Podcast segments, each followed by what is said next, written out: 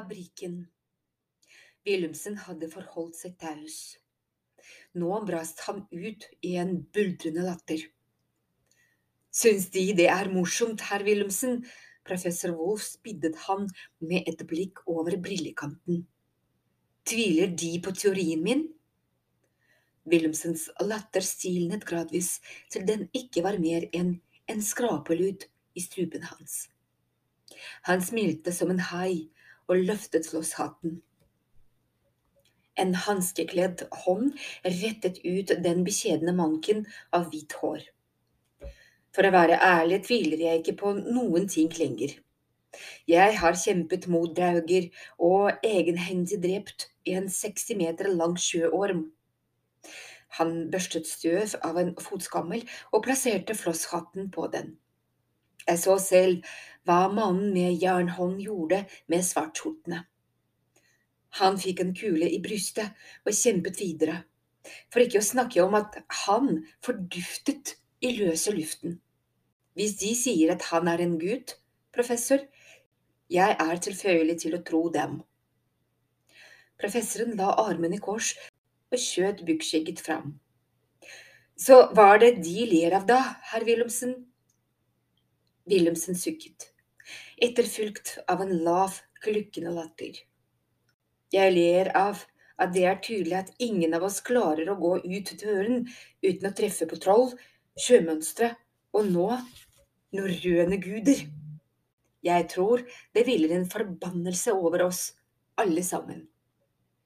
Han oppdaget plutselig professorens møllspiste lenestol og deiset ned den så den knirket i stålfjærer. Men for all del, professor, la ikke meg avbryte dem. Fortell unge Edvard om denne guddommelige hevneren vi har brynt oss på. Professoren lot seg ikke be to ganger. Han pekte på pilen igjen. Signaturen. Dette er et gammelt runetegn som kalles Tiwas, eller Tyr-runen. Guden Tur var i norrøn mytologi symbolet på rettskaffenhet og seier i strid og ikke minst mot. Du har hørt om Fenrisulven, Edvard? Edvard nikket. Det var en svær ulv som gudene var redde for. Det var alt han kom på i farten. Riktig, sa professoren og bladde om arket. På den andre siden dukket det opp et bilde av Tyr igjen, denne gangen med hånden inne i munnen på en ulv, tre ganger så stor som han selv. Gudene fryktet Fenrisulven så mye at de ønsket å lenke den fast til evig tid. De lyktes, men ikke før ulven hadde bitt hånden av Tyr. Edvard så for seg morderen med den fryktelige jernhånden. Alt stemmer, tenkte han. Wilhelm strakte ut bena og sparket over ende en stabel med bøker. Så Mink, Brant og kaptein Rustik har stjålet Tors hammer og har fått en enarmet krigsgutt på nakken, oppsummerte han fort. Jeg vet ikke helt hvordan vi skal forklare det til politifullmektig Revers.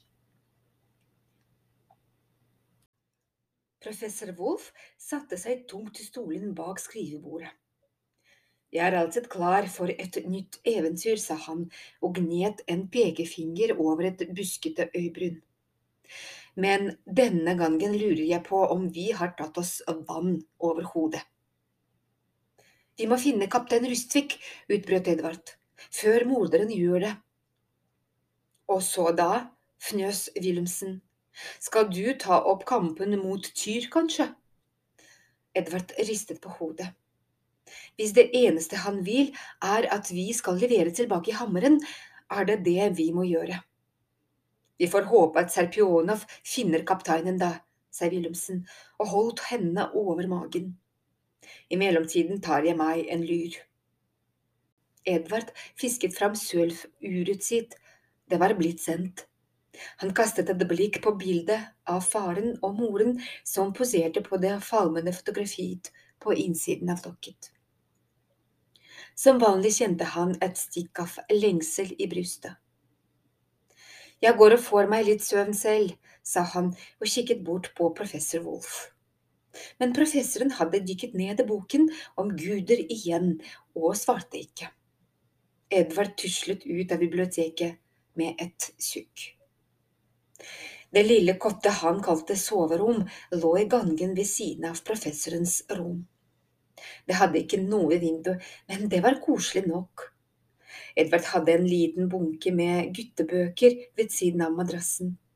Bøkene var små nok til å lese på sengen, i motsetning til professorens skinnbundne giganter. Det var fullt med spennende fortellinger fra hele verden. Øverst lå Den hemmelighetsfulle øy av den franske forfatteren Jules Verne. På omslaget var det en tegning av to menn i en luftballong. Hele uken hadde Edvard lest til langt på natt, og han var nesten ferdig med boken. Etter denne gledet han seg til å ta fatt på en verdensomseiling under havet. Men øyelokkene var for tunge til å lese nå. Han la hodet på puten, men han klarte ikke å sove. Jo mer tankene spant rundt hodet, jo mer vred han på seg. En vikinggutt herjet i Kristiania.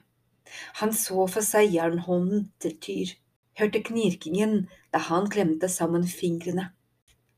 I sikkert en time lå han og grublet, men da han nesten hadde gått opp og lurte på om han skulle stå opp og ta seg et glass vann, sovnet han omsider.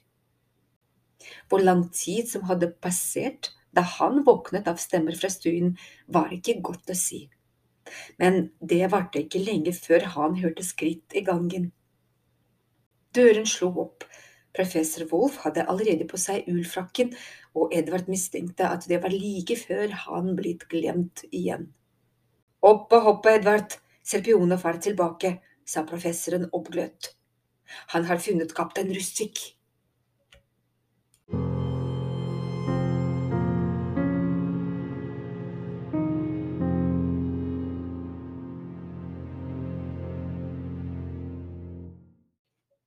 Vognhjulene spant til snøen der de kjempet seg oppover åssiden ved Ekeberg.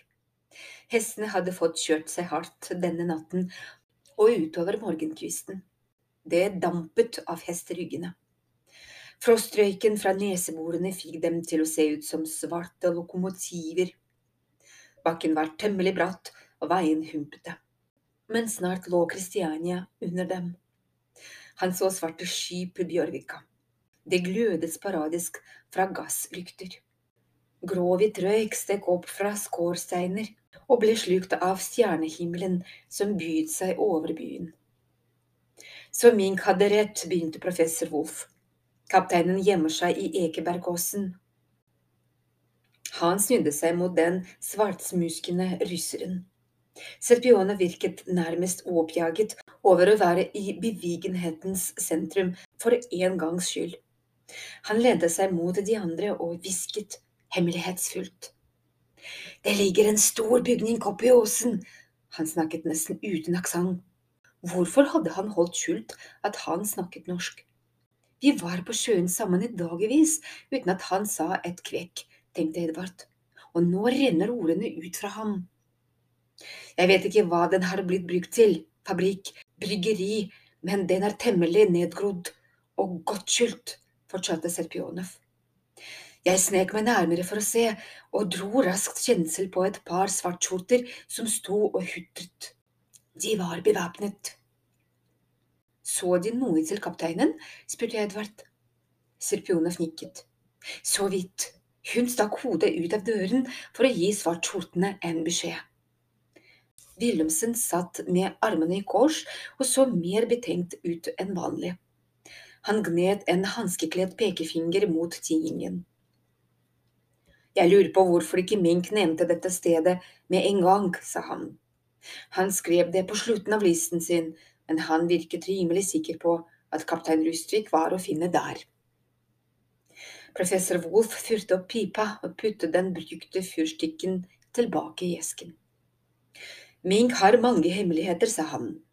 Den fabrikken, eller hva det er, skjuler nok en av dem.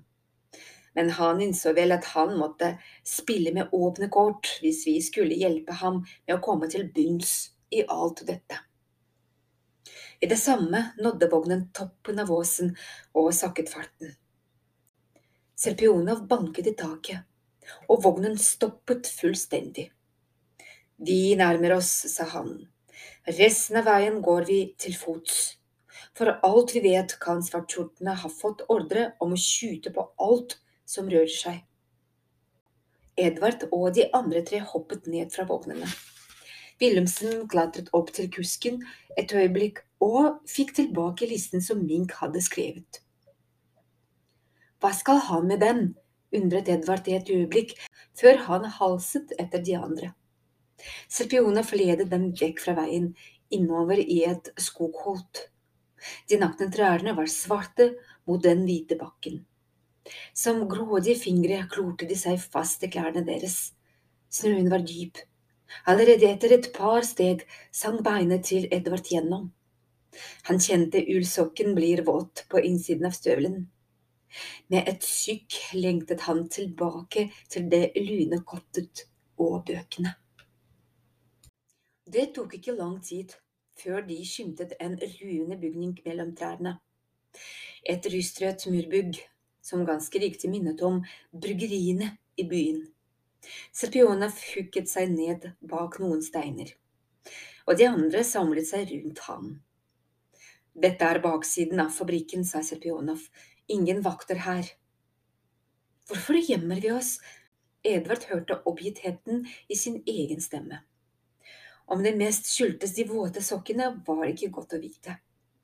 Kan vi ikke bare rope på kaptein Rustvik, fortsatte han varsle henne om at det bare er vi som kommer. En utspekulert mine åpenbarte seg i Wilhelmsens brede ansikt. Vi kan gjøre det, sa han, eller kan vi snike oss bort til vinduet og se hva Mings store hemmelighet er. Professoren ristet på hodet, tydelig uenig. Nei, vi burde gi oss til kjenne, sa han. All denne luskingen kan fort føre til at vi får en hagelig ladning i ansiktet. Wilhelmsen reiste seg. Gjør som dere vil. Han klappet Serpionet på skulderen. Kom igjen, Tavarish. La oss ta en titt. Så smad de to mennene ut fra kjulestedet. Med snø langt oppover legene små løp de mot fabrikken. Professor Wolf snudde seg til Edvard og trakk på skuldrene. Ja, ja, vi får vel følge etter, sa han. Jeg må innrømme at jeg er litt nysgjerrig. Du òg? Edvard protesterte ikke på det. Det kriblet i magen. Bare litt, smilte Edvard lurt. Snart sto alle fire klemt inntil murveggen, andpustne etter å ha kavet seg gjennom snøen. Til deres store ergrelse var vinduene minst to meter over bakken. Selv ikke Wilhelmsen og professoren rak opp dit. Men Edvard visste råd. Gi meg et løft, sa han. Wilhelmsen flettet fingrene sammen og bøyde seg fram under vinduet. Edvard satte foten på hendene hans. Straks ble han heist opp i været. Han fikk grepet tak i vinduskarmen. Synet som møtte han, var som tatt ut av en av bøkene han leste på sengekanten. Han kunne ledd høyt, men det ble med en imponert plustrelyd så lavt han klarte. Ser du noe, Edvard? hvisket professoren nedenfra. I det samme ga et hult metallisk smell gjenklang i morgenmørket. Lyden av en hagle som ble ladet. Fram fra begge hushjørnene dukket det opp svartkledde menn. Raskt ble Edvard og de andre omringet. En skikkelse skjøv seg fram mellom rekken av geværløp som var rettet mot dem. Lyset fra fabrikkvinduet ga det kastanjebrune håret et rødt skjær. Tatoveringer prydet haken, og over skulderen holdt hun en tamahak. Hva skal jeg gjøre med snushaner som dere? spurte kaptein Rustvik.